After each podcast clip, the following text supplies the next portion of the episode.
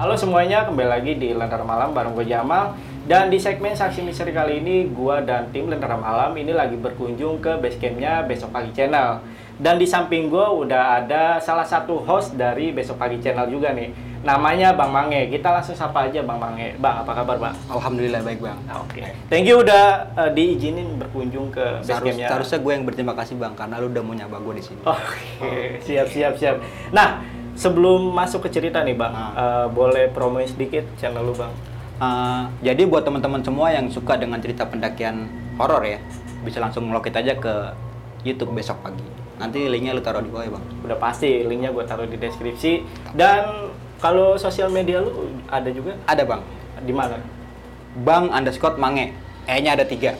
Kayaknya ada tiga ya. Kayaknya ada tiga. Ya udah, nanti linknya juga gue taruh di deskripsi. Dan buat teman-teman nih yang khususnya di sekitar wilayah Wintaro ya, Ah. dan mau jadi narasumbernya di Besok Pagi Channel, itu bisa langsung aja DM ke IG-nya Besok Pagi Channel ataupun DM ke IG-nya Bang Mange. Oke. Nanti linknya yang tadi gue bilang gue taruh di deskripsi. Yaudah, kita langsung masuk aja ke kisi-kisi ceritanya. Jadi Bang Mange ini bakal ceritain tentang pengalaman horornya pada saat dia berkunjung ke salah satu hotel yang ada di Madura. Bang Mange, boleh kasih sedikit kisi-kisinya juga?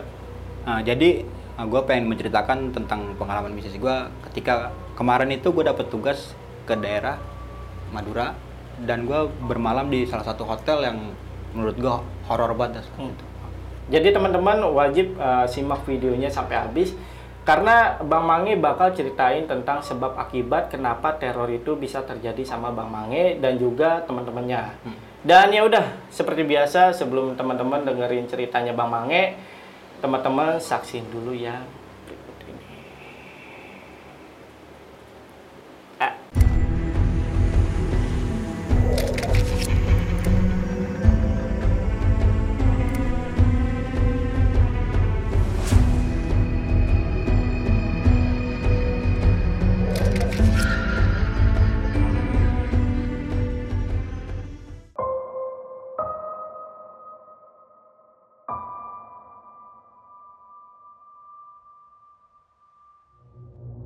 Halo, Assalamualaikum warahmatullahi wabarakatuh. Perkenalkan gue Bang Mange dari kru Besok Pagi.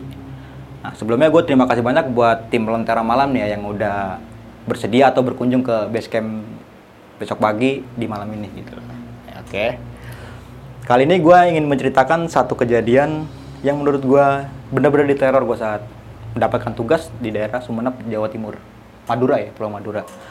Awalnya itu gue sebelum cerita ya, sebelum masuk ke cerita gue tuh salah satu koki lah ya. Koki di salah satu catering ternama di daerah Jakarta.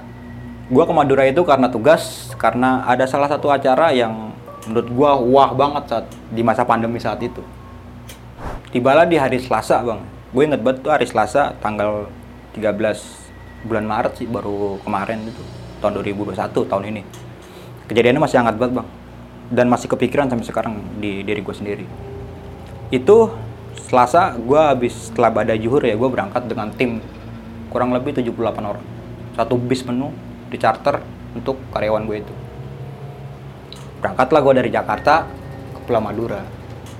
Singkat cerita itu kurang lebih perjalanan 24 jam lebih sih menurut gue. Sampai sana tuh hari Rabu jam setengah tiga.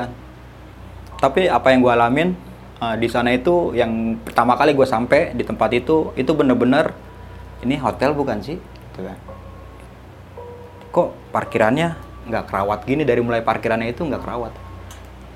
Kok parkirannya aneh gini. Terus juga pas gue masuk ke arah koridor itu beda banget hawanya Eh, ke resepsionis itu kan. Setelah gue ke resepsionis, nah itu dipecah tuh semuanya. Jadi ada, gue dikasih satu list emang sebelumnya hotel itu udah di booking sama tempat kerja gue. Jadi tinggal di tempat-tempatin aja nih, ini berapa orang, berapa orang di kamar ini gitu. Dan kebetulan gue mendapatkan nomor 16, kamar nomor 16 nih. Sebelumnya gue nggak tahu kamar 16, nomor 16 itu apa, ya gue biasa-biasa aja. Jam 3an lah, jam 3an gue mulai buka kunci kamar gue. Gue mulai beristirahat tuh. Istirahat, gue tiduran, gue rebahan lah istirahat. Nggak tidur tapi cuma istirahat. Teman gue ini sibuk buat rapi-rapihin baju-baju dia lah. Karena kan gue di sana lama, bakalan sampai tujuh hari lebih. Nah setelah gue beristirahat di situ bang, teman gue sibuk buat ngerapin bajunya ya. Nah gue istirahat gue senderan gini nyender. Ekor mata ini kan bisa ngeliat ya bang? Ekor mata ini bisa ngeliat gue ngeliat ke arah pintu kamar mandi. Dan di situ gue ngeliat sosok yang menurut gue ya nggak banget lah. Sosok yang di mana bisa dibilang itu pocong bang. Kalau gue boleh jelasin di sini gambaran pocong itu kayak gimana yang gue lihat saat itu mukanya hancur mata entah di mana ah, mata ada di pipi apa di mana gitu. Mulut ada di atas apa gimana pokoknya hancur hancur hancur itu muka. Gue kaget langsung gue bangun gini. Gue bangun gue tegesin. Gak ada. Ah, mungkin itu halusinasi gue ya. Atau mungkin saat gue kecapean dan gue berhalusinasi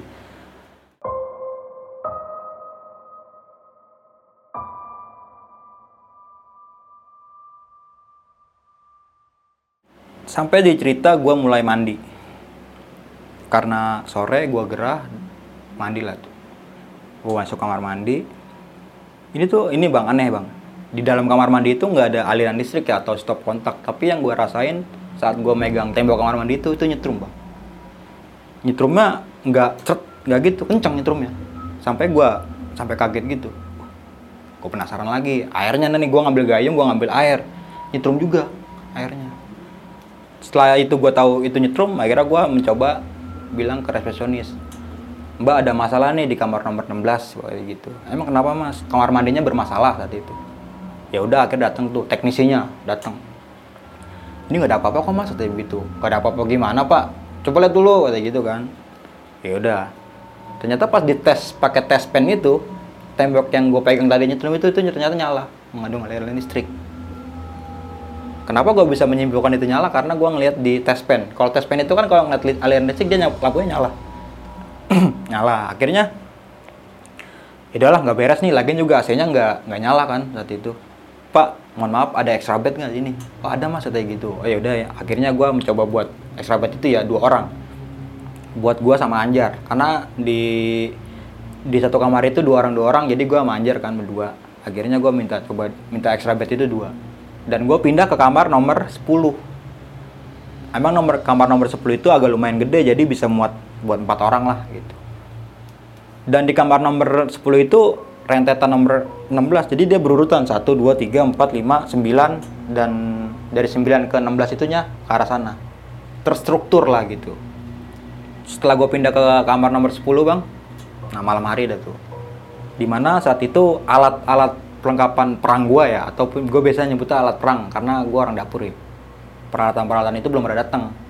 Jadi gue memakai dapur itu dapur hotel itu buat nyeduh kopi. Nah, gue jalan agak jauh dia agak masuk koridor gitu itu benar-benar serem koridornya. Tapi di koridor itu kiri kanan itu kamar nomor 21 22 ada berurutan dah segitu sampailah tiba gue agak turun ke bawah dan ke dapurnya. Setelah gue nyampe dapur itu bang yang gue rasain anjir kok gini banget ya? Adem banget. Adem sadem ademnya sampai bulu bulu gue itu agak bangun itu bulu kuduk ya namanya gitu. Berinding lah gue di dapur dia saat itu. Jadi kalau boleh gue gambarin dapur hotel itu ya ya nggak banget lah bang buat sekelas hotel ya nggak nggak nggak pas lah gitu. Singkat cerita gue jadi kopi nih bang nih. Gue mau ambil air gue jadi kopi gue nyalain tuh gasnya sambil gue nungguin kan gue sambil ngerokok kan ngerokoknya kayak gini bang sambil cingang ciling gue sini. Itu nggak sengaja gue ngelihat bayangan yang ada di exhaust lah ya exhaust atau penyedot udara suhu udara itu. Kayak ada yang ngintip kayak ada yang ngeliat gue ya udah gue masa bodohin aja saat itu. Gue berpikir positif aja. Setelah gue bikin kopi gue balik ke kamar nomor 10 nah nggak lama setelah gue ngopi bareng teman-teman gue di saat itu kedengeran suara minta tolong. Minta tolong yang gue tahu itu suara senior gue lah bang Haji buru-buru gue keluar bang. Buru-buru gue keluar kamar gue nyamperin di mana nih suara ini nih. Ternyata ada di nomor kamar 16 nah setelah gue buka pintunya gue masuk dalam ternyata bang Haji itu udah jatuh bang. Udah jatuh dalam artian setengah badan berdiri lah. Setengah badan yang kakinya itu ke, ke atas ada narik gitu. Dia gantung gitulah. Ya gue cepet-cepet gue tolongin. Tolongin kenapa bang? Gue jatuh artinya begitu. Ya udah akhirnya gue gue tarik lah bang Haji itu buat ke kamar. Dan Bang Haji ini di kamar nomor 9 bareng senior gua, Bang Heri. Nah, setelah udah tiba di kamar gua, buat ngopi kan nih emang kenapa bang? Gue tanya kenapa bang? Tadi kan gue lagi mau ke dapur mau nyedot air. Nah ada yang ngetok-ngetok pintu nih dari nomor 16 itu dari dalam. Gue penasaran gue buka tuh pintu. Pas gue buka pintu tiba-tiba gue ada yang dorong dari belakang. Gue jatuh setelah gue jatuh gue ada yang narik jadi sosoknya itu yang narik bang Haji itu yang menurut bang Haji cerita ya. Dia tuh orang biasa cuma agak tinggi lah perawakannya. Dia pakai jubah dan bawa tongkat. Juga ya bang Haji gitu. Gue kira lu ngapa lagi sono kan bercanda-bercanda gitu kan. Nah balik kan nih bang Haji keluar keluar kamar gue ke nomor kamar nomor 10 buat kembali ke kamarnya. Dia tuh di kamar nomor 9 nama bang Heri ini nah bang Heri ini kebetulan bisa bang orangnya. Bisa dalam artian kalau untuk untuk hal kayak gitu dia ngerti lah bang Haji ini cerita sama bang Heri. Tadi gue kayak gini gini Her gini gini. Gini Heri itu langsung udah kepikiran nih wah gak beres nih. Nah gak lama setelah itu terdengar teriakan minta tolong di arah kamar nomor 25 tolong tolong gitu. Ternyata ada anak bangket yang serupan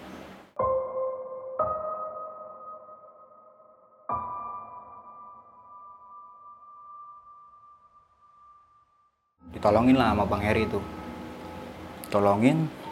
Dengan ilmu yang dia bisa ya ditolongin lah tuh yang teman gue yang kesurupan itu. Pas kesurupan itu kalian harus sopan. Kalian harus sopan. Jaga diri. Gue inget inget banget bang dia. Orang yang kesurupannya itu kayak gitu. Nggak cerita ya udah diselesain lah tuh kayak gitu kan. Udah keluar tuh makhluknya. Gue kembali ke kamar masing-masing. Dan di situ gue dipanggil sama bang Heri Dil katanya, sini katanya, kamar gua. Gua kamarnya tuh. Ramai tuh banyak anak-anak pada. Di situ Bang Hari itu mulai kesel lah. Kesel dalam artian gua ke sini udah sopan loh, tapi jamuan lu kok kayak gini gitu. Jamuan lu kok kayak gini. Jamuan dalam artian ya makhluk-makhluk sekitar lah gitu kan. Gua udah sopan, tapi lu kayak gini ya udah. Lu buat gua kesel ya dikerjain lah tuh sama sama Bang Heri itu. Di mana malam itu Bang Eri itu memasukkan semua makhluk gaib yang ada di sekitar hotel itu dipasukin ke dalam botol yang dia punya. Dan yang gua ngeliat botol itu dari awalnya botol lurus itu tiba-tiba bengkok sendiri. Dan di dalam botol itu kayak embun lah kayak berembun gitu. Nah nih gua udah pasukin semua. Lu udah buat gua kesel sih kata bang Eri gitu. Malam itu biasa-biasa aja gua ngopi-ngopi bareng atau sama teman-teman gua pada nah pagi hari nih bang. Pagi hari itu nggak ada masalah apa-apa nggak ada kendala apa-apa. Sampai tiba semua perlengkapan perang gua yang tadi gue bilang itu datang lah tuh. Gue nurunin dulu kan barang saat itu nurunin. Nah, itu nggak ada apa-apa.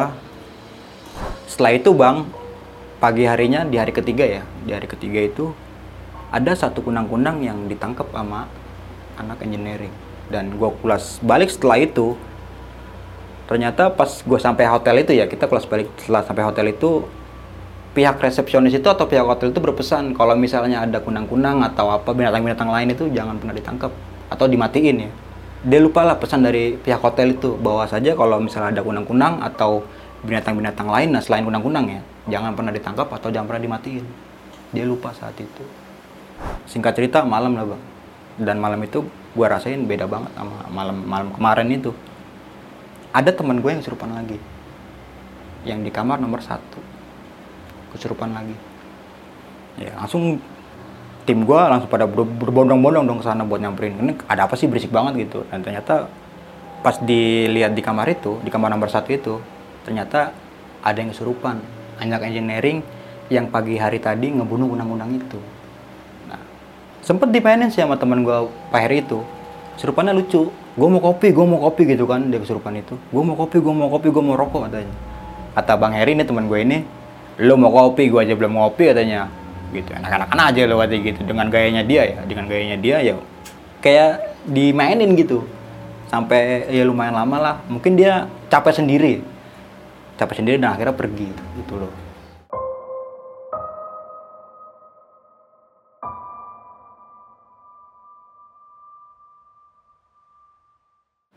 Nah, di kelas balik nih setelah itu, lo emang awalnya kenapa? Kayak gini, bisa kayak gini kenapa lo? Gue lagi ngopi nih, gue lagi ngopi. Tiba-tiba ya, gue ngerasa bukan gue. Ya udah, gitu aja. Nah setelah makhluknya keluar dari badan teman gue itu, pagi harinya nggak ada apa-apa bang. Pagi harinya itu karena mungkin gue udah sibuk ya, udah mulai sibuk buat buat mempersiapkan acara gitu.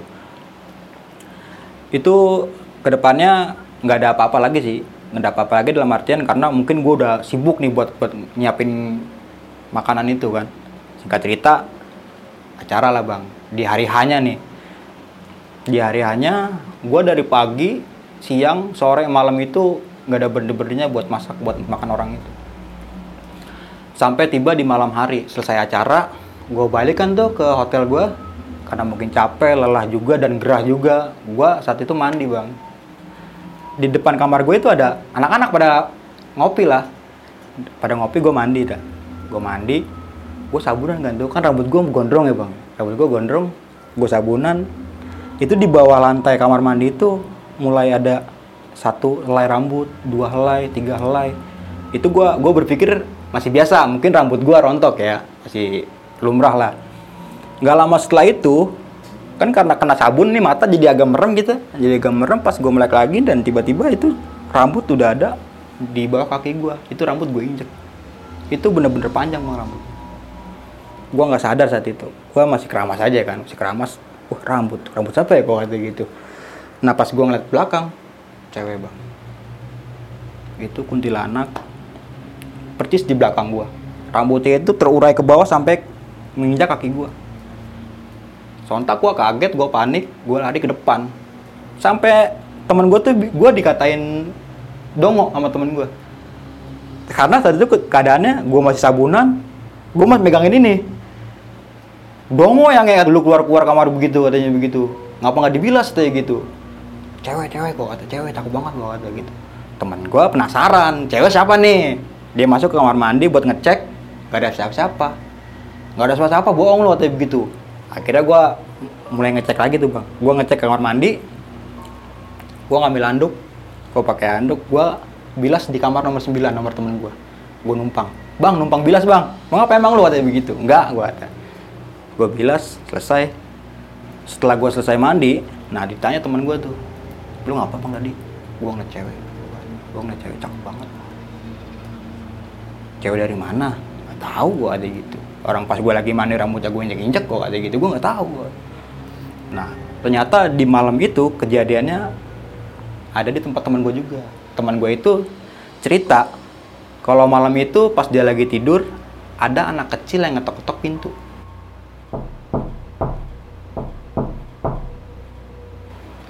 Dibuka nggak ada siapa nggak ada siapa-siapa. Dia masuk lagi om om om kenapa dia bisa beranggapan itu anak kecil? Karena manggilnya om ya di situ udahlah bodo amat katanya kata gue gitu. Bodo amat lah gue capek. Dia tiduran tuh. Nggak lama setelah itu celananya ada yang narik narik bang.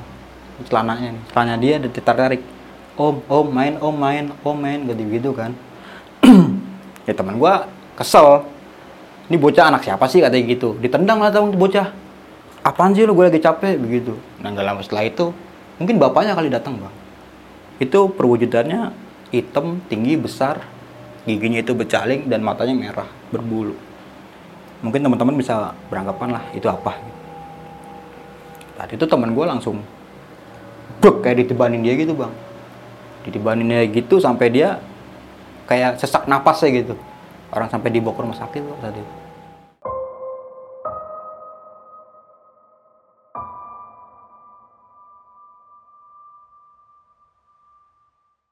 pas dicek di rumah sakit dia nggak kenapa-napa.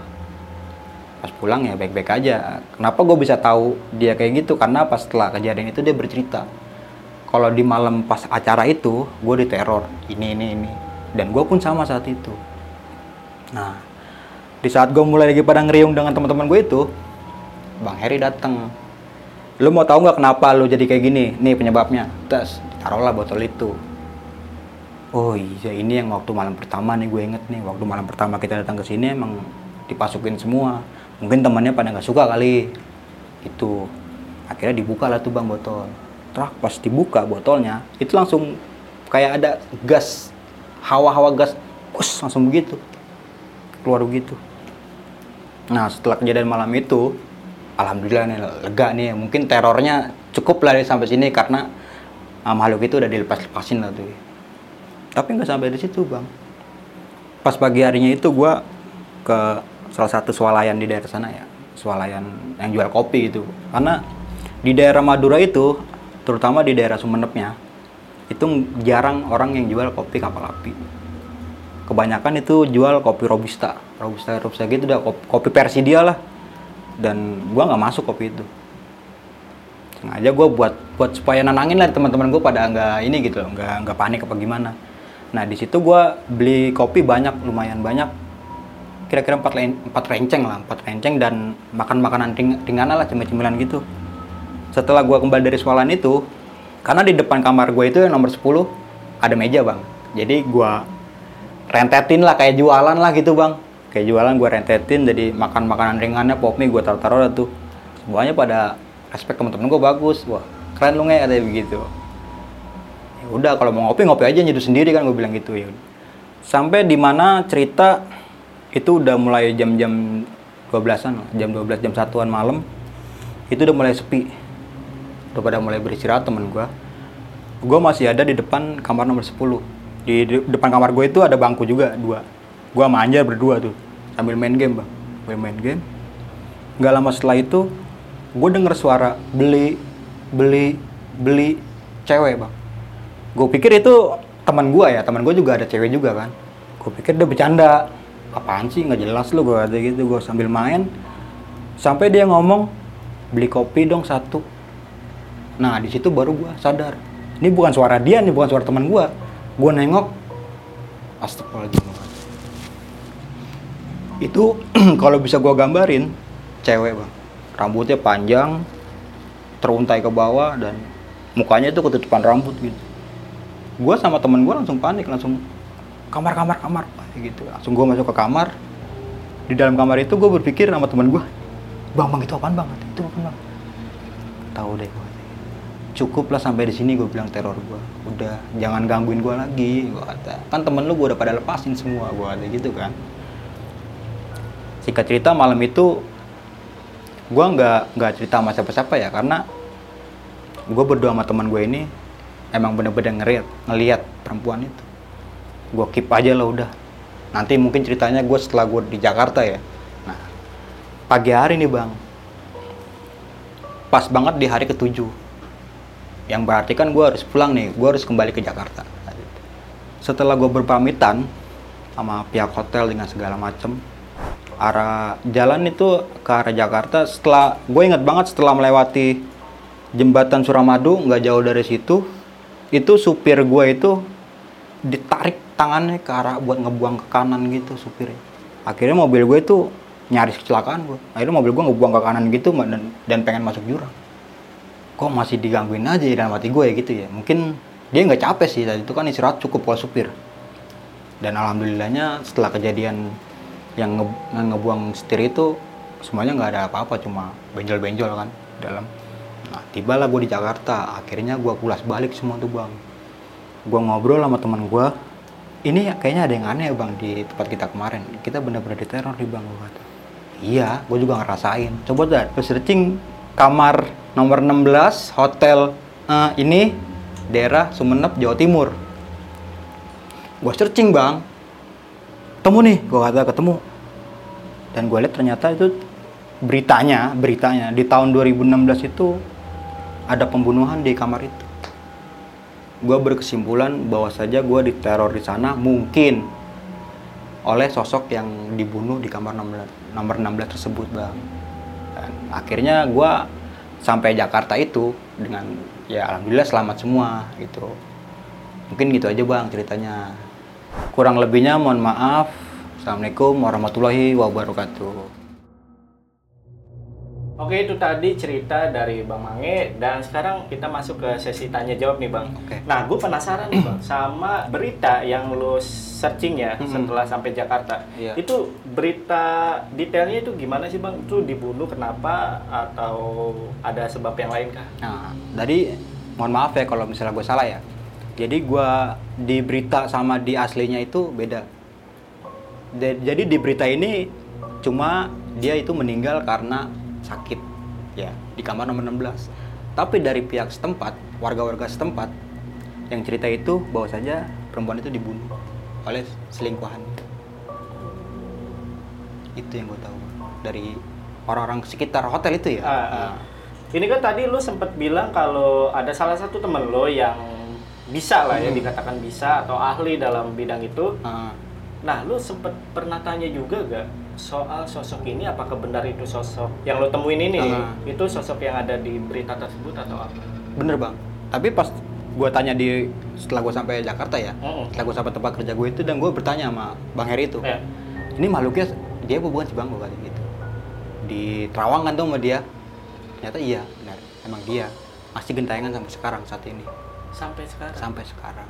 Di hotel itu di ya. hotel itu. Makanya pas gue datang itu hotel hotel itu nomor 16 nya ya itu kayak nggak kerawat banget bang kayak nggak kerawat Oh.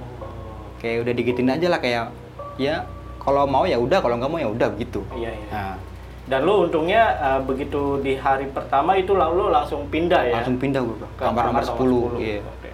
Nah, tadi lu sempet bilang kan lu searchingnya di Jakarta Iya, Bang. dan lu dapet cerita juga Ah. dari warga setempat lah ya. Ah, Warga di sekitaran hotel tersebut. Ah. Nah, itu lu tahu dari mana? karena gue kenal bang sama orang sana bang Oh, oke. dan karena gue penasaran nih dia meninggalnya nggak mungkin karena sakit gue japri nih gue ini terus nih gue tanya terus gue tanya terus dan akhirnya dia itu meninggal karena dibunuh jadi gue bisa tahu gue bisa menyimpulkan kalau dia itu dibunuh dari teman gue itu cerita Oh, warga sekitar hotel itu oke oke oke.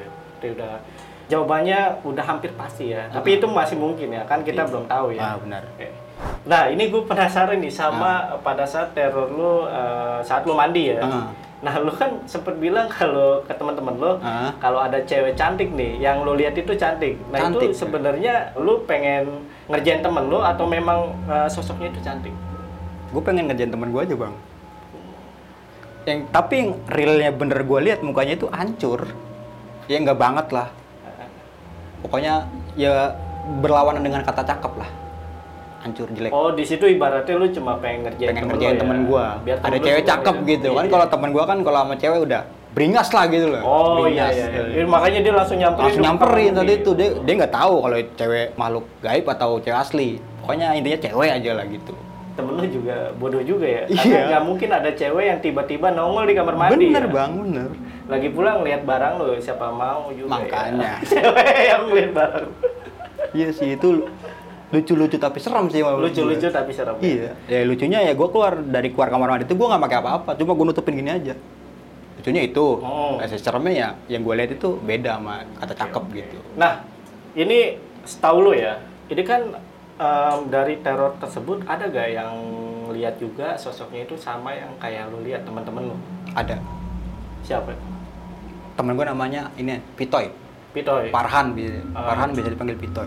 Jadi ini semua study kelas balik ya bang. Setelah gue di Jakarta dan gue searching, kan ada tuh mayatnya, mukanya kayak gimana kelihatan Oh. korban-korbannya.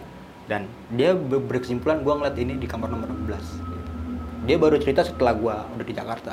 Oh, ditambah statement dia ya. Iya. Statement temen lo juga Ah, ya. Karena kan saat itu kan kita browsing bareng-bareng nih. Oh, oh. Dan ngeliat nih ternyata orangnya kayak gini. Ini sama yang gue lihat di kamar nomor 16.